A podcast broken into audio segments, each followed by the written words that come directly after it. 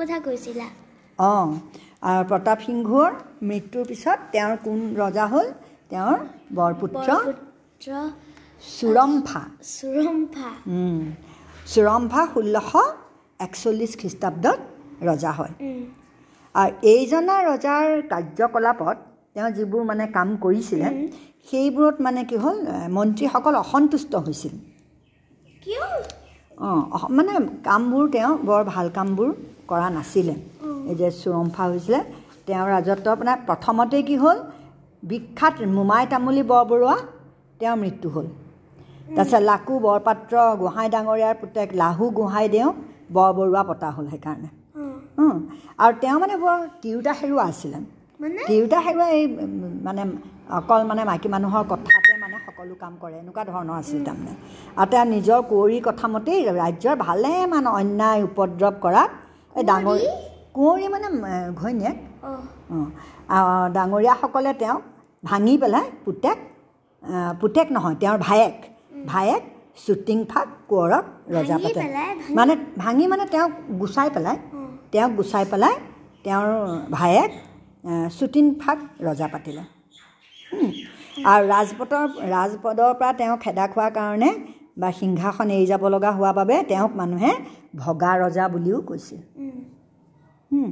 আৰু এইজন স্বৰ্গদেউৰ ভাতৃ চুটিনফাৰ আকৌ ভাত- মানে ভায়েক ভায়েকক ৰজা পাতিলে নহয় তেওঁৰ মানে শাৰীৰিক অৱস্থা বৰ ভাল নাছিলে। শাৰী- শাৰীৰিক মানে শৰীৰ ভাল নাছিলে। বেমাৰী আছিলে। সেইকাৰণে তেওঁক নৰিয়া ৰজা নামেৰেহে বেছি জনাজাত আছিলে। বেমাৰী আছিল যে সেইকাৰণে। আৰু ৰাজ নৰিয়া মানে বেমাৰ। আৰু ৰাজহাৰ বেকা হৈ কোজা হোৱা বাবে বহুতে তেওঁক কেঁকুৰা ৰজা বুলিও কৈছিলে। আৰু এইজনা ৰজাৰ দিনতে আকৌ বহুতো মানে সৰু সুৰা ৰণ হৈছিলে বুজিছা? আৰু তেওঁ মানে মাত্ৰ মানে তিনি বছৰহে মাত্ৰ ৰাজত্ব কৰিছিলে। তাৰপিছতে? অঁ। আৰু এই শ্বুটিংফা এই এইজনা আছিলে শ্বুটিংফা ভায়েক। শ্বুটিংফা স্বৰ্গদেউৰ দিনতো কেইবাজানো ডাঙৰীয়া ভঙা পতা কৰা হয়। আৰু সেই কথাত ডাঙৰীয়াসকল তেওঁৰ ওপৰত বৰ মানে বিতুষ্ট হৈছিলে বেয়া পাইছিলে ভঙা পতাৰ কাৰণে। কিন্তু পিছত আকৌ তেওঁৰ নিজৰ পুতেক চুতামলা কোঁৱৰে শুকুলা হুদু বুঢ়াগোহাঁই ডাঙৰীয়াৰ সৈতে ষড়যন্ত্ৰ কৰি দুবছৰ মাথোন ৰাজত্ব কৰোঁতেই তেওঁক কি কৰিলে? তেওঁক ভাঙি ৰাজপাত কাঢ়ি লয়। তেওঁক আঁতৰাই পেলাই তেওঁ বেমাৰী ৰজাক মানে আঁতৰাই পেলাই ৰাজপাত কাঢ়ি লয় দুবছৰ বেমাৰী ভিতৰতে? তাৰমানে সেই ভায়ে তেওঁৰ পুতেকে তেওঁৰ বাপেকৰ পৰা ৰাজপাতটো কাঢ়ি লয় বেমাৰীৰ কাৰণে। গম পাইছা নাই? আৰু ষড়যন্ত্ৰ কৰি পেলাই কাঢ়ি লয় আৰু। বেমাৰী হ'লেও কৰিব পাৰিলেহেঁতেন কিন্তু ষড়যন্ত্ৰ কৰি কাঢ়ি ল'লে। আৰু ভৱিষ্যতে বিদ্ৰোহ ঘটোৱাৰ আশংকা কৰি ডাঙৰীয়াসকলে তেওঁক চক্ৰান্ত কৰি বধ কৰি পেলায়। এতিয়া তেওঁৰ দিনতে এই শ্বুটিংফা স্বৰ্গদেউৰ দিনতে মানে কেইবাখনো সেই ভায়েকৰ দিনতে। ভায়েকৰ পুতেকে। ভায়েক- ভায়েকৰ পুতেকে লৈ লয় ৰাজভোটটো কিন্তু ডাঙৰীয়া বোলে ভায়েকক মাৰি পেলাই। নহয় এই ভায়েকৰ পুতেকক মাৰি পেলাই। পুতেকক কেলৈ মাৰিব? পুতেকে লৈছেহে। ভায়েকক মাৰি পেলাই। মানে ভায়েক মানে কি সেই প্ৰথম ৰজাজন যিজন চুৰম্ফা। চুৰম্ফাৰ চুৰম্ফাক আঁতৰাই পেলাই ভায়েকক পাতিছিলে। ভায়েক আকৌ বেমাৰী আছিলে। সেই বেমাৰী ৰজাৰ পুতেকে এই দুবছৰ তেওঁ নৌ হওঁতেই তেওঁক আঁতৰাই পেলাই মানে দুবছৰহে ৰাজত্ব কৰিবলৈ পালে। তেওঁক আঁতৰাই পেলাই কি কৰিলে? তেওঁ নিজে ৰজা হ'ল আৰু তেওঁক আকৌ বধ কৰালে চক্ৰান্ত কৰি বিদ্ৰোহ কৰে বুলি। আৰু এইজনা যিজনাক মাৰিলে তাৰমানে এই নৰিয়া ৰজাজন তাৰমানে তেওঁৰ দিনত কেইবাখনো আকৌ চুৰচুৰীয়াকৈ বহুতো মানে ওচৰ চুবুৰীয়া ৰাজ্যৰ ৰণ হৈছিলে মানে যুদ্ধ হৈছিলে মানে সৰু সুৰাকৈ সৰু সুৰাকৈ যুদ্ধ হৈছিলে। ঠিক তেনেকৈ তাৰে এখন হৈছে দফলা ৰণ দফলাসকলে ৰণ কৰিছিলে যুদ্ধ কৰিছিলে। আৰু ঊন ষোল্লশ বেলেগ এটা জাতি তাৰমানে।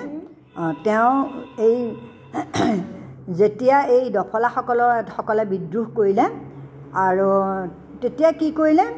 এই স্বৰ্গদেৱে সৈন্য সামন্ত দি বুঢ়াগোহাঁই আৰু বৰপাত্ৰ গোহাঁই ডাঙৰীয়া দুজনক দিক্ৰং নৈয়েদি উজাই দফলা পৰ্বত দখল কৰিবলৈ বাচিছিল। যে ক যা তহঁতি দফলাখিনিক হৰুৱাই পেলাই তহঁতি দফলা পৰ্বতটো লৈ ল।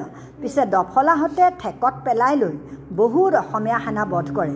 আৰু ঠেকত মানে তেওঁলোকে চব চাৰিও দুইফালৰ পৰা আক্ৰমণ কৰি পেলাই তাৰমানে। তাৰপিছতে ডাঙৰীয়াসকল ওলটি আহিবলৈ বাধ্য কৰিলে। সেইবাবে স্বৰ্গদেৱে শিবেলাক দুজনক ভাঙি আন দুজন ডাঙৰীয়া পাতি আকৌ দফলাহঁতক আক্ৰমণ কৰিবলৈ বাচিলে। দফলাহঁতেও মিৰিহঁতৰে সৈতে লগ লাগি ফেৰ পাতি ধৰিলে। এই কিন্তু এইবাৰ ঠাউৰিব নোৱাৰি দফলা আৰু মিৰিহঁত আহোম ৰজাৰ শৰণাগত হয় তেওঁৰ দিনত। তাৰপিছতে আহিলে দফলাৰ পিছত কছাৰীসকলে ৰণ কৰিলে। কছাৰী ৰজাৰ লগতো তেওঁৰ মনোবাদ হ'ল। চুৰম্ফা স্বৰ্গদেৱৰ দিনত কছাৰী ৰজাৰ সৈতে যি মনান্তৰ ঘটিছিল সি ক্ৰমাৎ বহল হৈ বাহিৰ হৈ ব্যাপ্ত হৈ পৰিলে। আৰু সেই প্ৰসংগত কি হ'ল? এই প্ৰথম প্ৰথমটো দ দফলাসকল সকলক দুবাৰকৈ এবাৰ এবাৰ দফলাৰ হাতত হাৰি পেলাই দু কি হ'ল? জিকি পেলাই আহিলে। এতিয়া কাৰ লগত আকৌ যুদ্ধ লাগিছে? কছাৰীসকলৰ কাৰ লগত যুদ্ধ লাগিছে? কছাৰীসকলৰ লগত। এতিয়া কছাৰী ৰজা আৰু আহোম ৰজাৰ পিছত বহুত লিখা লিখি চলিলে মানে। লিখি লিখা লিখি মানে চিঠি লিখা লিখি হাঁ তাৰে চিঠিবোৰ আকৌ তাৰ ভাষাবোৰ বেলেগ ধৰণৰ আছিলে দেই তেতিয়া। এতিয়া তোমাৰ এখন মই এখন চিঠি চিঠি এখনৰ মই চিঠি এখন পঢ়ি শুনাইছোঁ তাৰ উত্তৰটো পঢ়াই পঢ়ি শুনাম দেই। কছাৰী বীৰদৰ্প ৰজাই পত্ৰত লিখিলে। কছাৰী ৰজাজনৰ নাম বীৰ বীৰদৰ্প আছিলে তেওঁ লিখিলে। তোমাৰ আমাৰ উকিল গতাগত প্ৰীতিৰ কাৰণে চলি গৈছে। তুমি এখন প্ৰীতিগোট ছেট কৰি আমাৰ পত্ৰ অনাদৰ কৰি মজিন্দাৰক ফিৰাই পঠালা। আমি এখন পুনৰ নিৰ্বন্ধত থাকি ধৰম পথক স্মৰি প্ৰীতিৰ কাৰণে উকিল পত্ৰ পঠাওঁ। পূৰ্ব নিৰ্বন্ধে অভেদ প্ৰীতিৰ কাৰণে যেমনে দিনে দিনে প্ৰীতিক পায় তেমন খান কৰিবা। এইটো হৈছে এইটো তেওঁ মানে কছাৰী ৰজাই কৈছে যে তোমাক মই বাৰে বাৰে মানে ধৰম পথত থাকি পেলাই মানে মৰমৰ কথা কৈ আছোঁ কিন্তু তথাপিতো তুমি তাৰ ধৰম পথত থকা নাই হাঁ? সেইকাৰণে মই পুনৰ তোমালৈ চিঠি লিখিছোঁ। তেতিয়া আহোম ৰজা শ্বুটিংফাই তাৰ উত্তৰত লিখিলে পূৰ্বাপৰেও আমাৰ হেৰম্বেশ্বৰ থাপিত সঞ্চিত যিহেতু সেইহেতু তোমাৰ আমাৰ প্ৰীতিগোট চলি গৈছে এখন আমিও সেই অভেদ প্ৰীতিতে ৰৈছোঁ। তুমি যে উকিল অনাদৰ কৰি পঠাইলা তাৰমানে চিঠিখনক অনাদৰ কৰি পঠালে তাৰমানে? অনাদৰ? মানে আদৰ নকৰিলে আকৌ? অঁ। হেন যে লিখিলা স্থাপিত আৰু সঞ্চিত ব্যৱহাৰ পৰিত্যাগ কৰি পত্ৰ যেখন পঠালা তেখন তুমি প্ৰীতি ছেদ কৰিলা মানে প্ৰীতি তুমি মৰমটো ছেদ কৰিলা মানে ভংগ কৰিলা। এখন ধৰ্মপথক স্মৰি পূৰ্ব নিৰ্বন্ধেৰে ব্যৱহাৰ কৰিলে কিহৰ প্ৰীতিগত চলিব? কিহৰ ন প্ৰীতিগত নচলিব? এইদৰে আৰু ভালেমান তৰ্ক পত্ৰ আৰু কটকী চলাচল হোৱাৰ পাছত সদৌ শেষত দুয়ো ৰজাৰ মাজত জীয়ৰী দিয়া অনা মানে ছোৱালী দিলে নিজৰ ছোৱালী কছাৰী ৰজাক দিলে কছাৰী ৰজাই নিজৰ ছোৱালী আহোম ৰজাক দিলে এনেকৈ সেইটো বন্ধনে কপটভাৱে বাহ্যিক মিলা প্ৰীতি স্থাপিত হ'ল। এতিয়া কছাৰীৰ লগত ৰজা হ'ল ছোৱালী দি পেলাই কি কৰিলে? মিলা প্ৰীতি কৰিলে। তাৰপিছত আহিলে ৰাজকুমাৰী। ৰাজকুমাৰী নহয় এনেই অন্য। তাৰপিছত নগাৰণ। নগাৰ লগতো যুদ্ধ হৈছিলে দেই। তেতিয়া লক্ষমা নগাবিলাকে বিদ্ৰোহ বিদ্ৰোহ উপস্থিত কৰাত সিহঁতক দমাবলৈ এবাৰ আহোম ফৌজ যাবলগীয়া হৈছিল।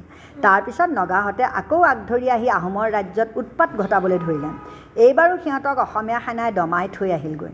কিন্তু নগাহঁতে সীমানতো দাঁতিকাষৰৰ আহোম ৰাজ্যত উৎপাত উপদ্ৰৱ কৰিবলৈ নেৰিলে। সেইকাৰণে বছৰ দিয়েকৰ পাছত আহোম স্বৰ্গদেৱে দফলা যুঁজাৰু লগত দি অসমীয়া সেনাপতিক নগা পৰ্বত আক্ৰমণ কৰিবলৈ পঠিয়ালে। আৰু সেই ৰণত নগাহঁত ঘাটি পলাল। নগা ঘৰত মানে হাৰিলে। আৰু নগাৰ গাম বা ৰজা কিম্বা শাসনকৰ্তাবিলাকে আহোম ৰজাৰ শৰণাগত হ'লহি। তাৰমানে নগা সকলো সেই সময়ত হাৰিলে। এতিয়া যে তেওঁ পিছত কি আহিলে এতিয়া মইতো তোমাক আগতেই ক'লোঁ যে এইজন নৰিয়া ৰজাক বধ কৰা হ'ল। হা? বধ কৰি কোন ৰজা হ'ল? তেওঁৰ পুতেক অঁ কি আছিলে নামটো?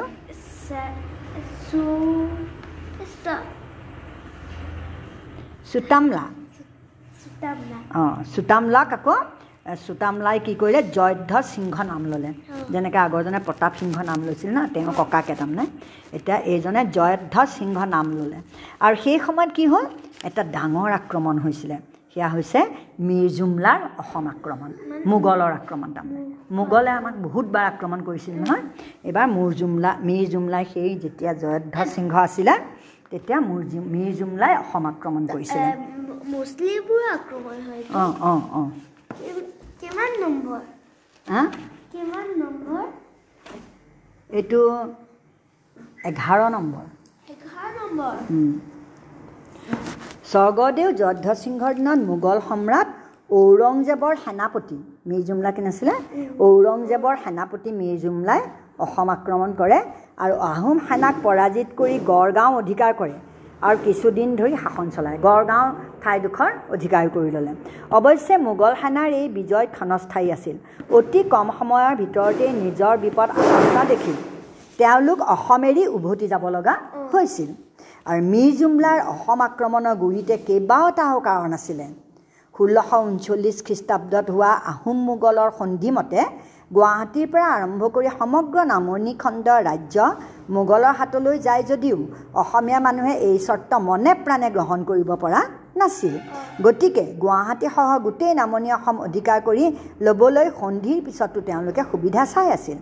এনে পৰিস্থিতিত ব্যৱসায়িক মতানৈক্য আহোমৰ অধিকাৰত থকা অঞ্চলৰ মোগলৰ মানুহে মাজে সময়ে লুকাই চুৰকৈ হাতী ধৰা আৰু পৰস্পৰৰ বিদ্ৰোহী প্ৰজাক পৰস্পৰে আশ্ৰয় দিয়া আদি কাৰ্যই আহোম মোগলৰ সম্পৰ্ক তিক্ত কৰি তুলিছিল বেয়া কৰি তুলিছিল। এনে সময়তে দিল্লীত সম্ৰাট শ্বাহজাহান নৰিয়া পৰাত ষোল্লশ আঠাৱন্ন খ্ৰীষ্টাব্দত সিংহাসন লৈ তেওঁৰ চাৰি পুত্ৰৰ মাজত কণ্ডল আৰম্ভ হয়। কণ্ডল মানে হৈছে কাজিয়া আৰম্ভ হয়। আৰু সেই সময়ত বংগৰ নবাব হৈ থকা শ্বাহজাহানৰ দ্বিতীয় পুত্ৰ শ্বাহ চুজাও বংগ এৰি সিংহাসনৰ প্ৰতিদ্বন্দ্বী হ'বলৈ দিল্লীলৈ যোৱা যোৱাত স্বৰ্গদেউ জয়ধ্বজ সিংহই মোগল সেনাক কামৰূপৰ পৰা খেদাই মানাহ নদী পৰ্যন্ত ঠাইখিনি অধিকাৰ কৰি লয়।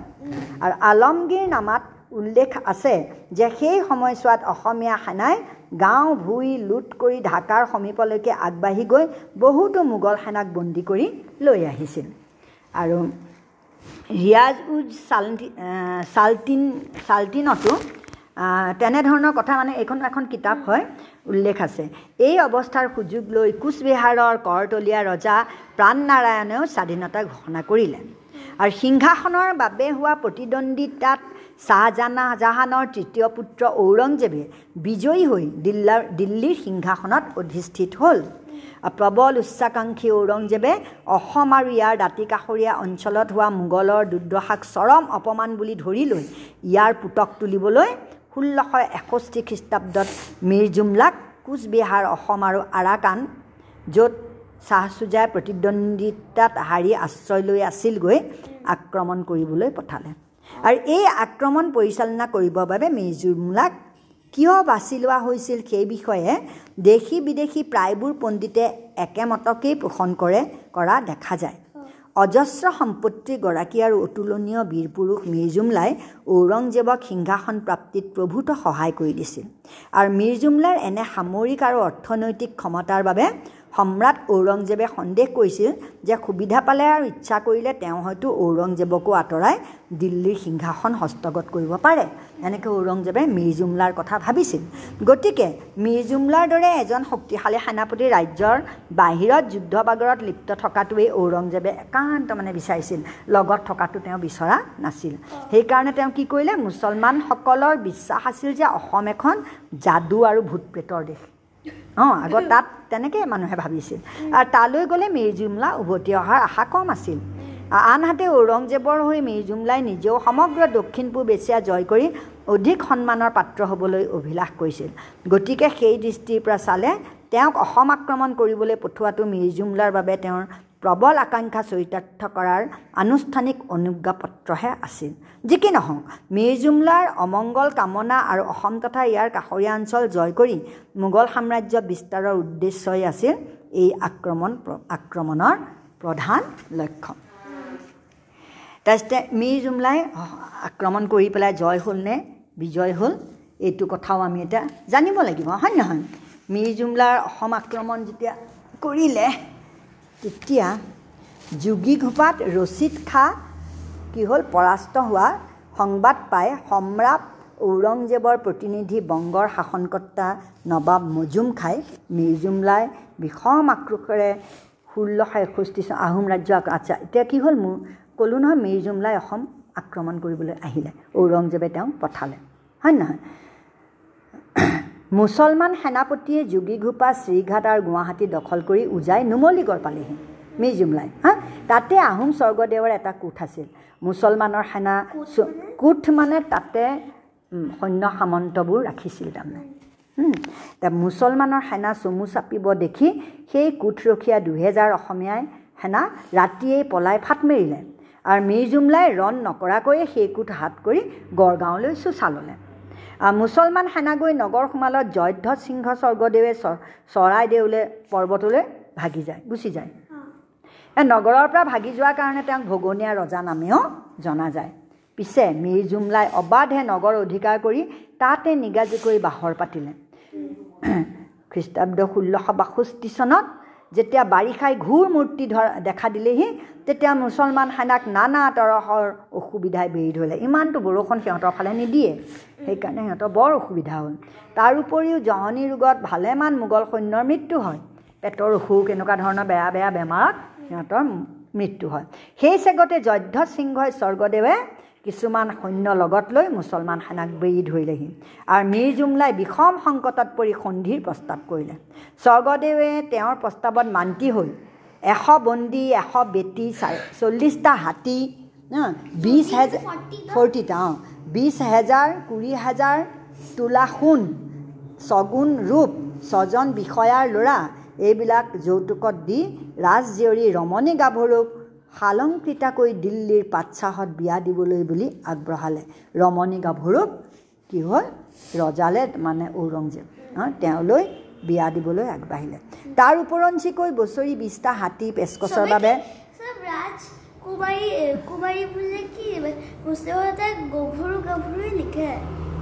নহয় গাভৰু মানে হেৰি হয় মানে ডেকা গাভৰু মানে। বুজিছা? ডেকা ল'ৰাবিলাকক ডেকা কয় ছোৱালীবিলাকক গাভৰু কয়। ডেকা অৱস্থাটো। লাখ টকা আচ্ছা তিনি লাখ টকা আৰু নব্বৈটা হাতী সোধাবলৈ গাত ল'লে। মিৰ্জুমলাই তাতে সন্তুষ্ট হৈ তেওঁ দখল কৰা কোঠ ৰাজ্য এৰি দি আইদেউ ৰমণী গাভৰুক যথা সন্মানেৰে পাতচাহক বাটচাহক বিয়া দিবৰ কাৰণে লগত লৈ দিল্লীলৈ ওলটি গ'ল। আৰু খ্ৰীষ্টাব্দ ষোল্লশ তেষষ্ঠি চনৰ ন জানুৱাৰীত এই সন্ধি হয়। কিন্তু তাৰ আগেয়ে আহোম স্বৰ্গদেউসকলৰ মৈদামখনাই মিৰ জুমলাই বিস্তৰ ধন সম্পত্তি আহৰণ কৰি লৈ যায়। হিন্দু আহৰণ মানে লোৱা আকৌ পোৱা। হিন্দু গুৰুৰ শৰণীয়া হৈ মুঠেই ন বছৰ কাল ৰাজত্ব কৰাৰ পিছত ষোল্লশ তেষষ্ঠি চনত স্বৰ্গদেউ জয়ধ্য সিংহ স্বৰ্গী হয় মৃত্যু হয়। তেওঁ স্বৰ্গদেউ জয়ধ্য সিংহৰ দিনত ডাঙৰ কথাটো হৈছিলে মিৰ জুমলাৰ অসম আক্ৰমণ বহুত দূৰলৈকে আহিছিলে। তেনেহ'লে আজি আমি এইখিনিতে থৈ দিওঁ হা? তাৰপিছত আমি জয়ধ্য সিংহৰ পিছত কোন আছিলে আমি সেইটো চাম।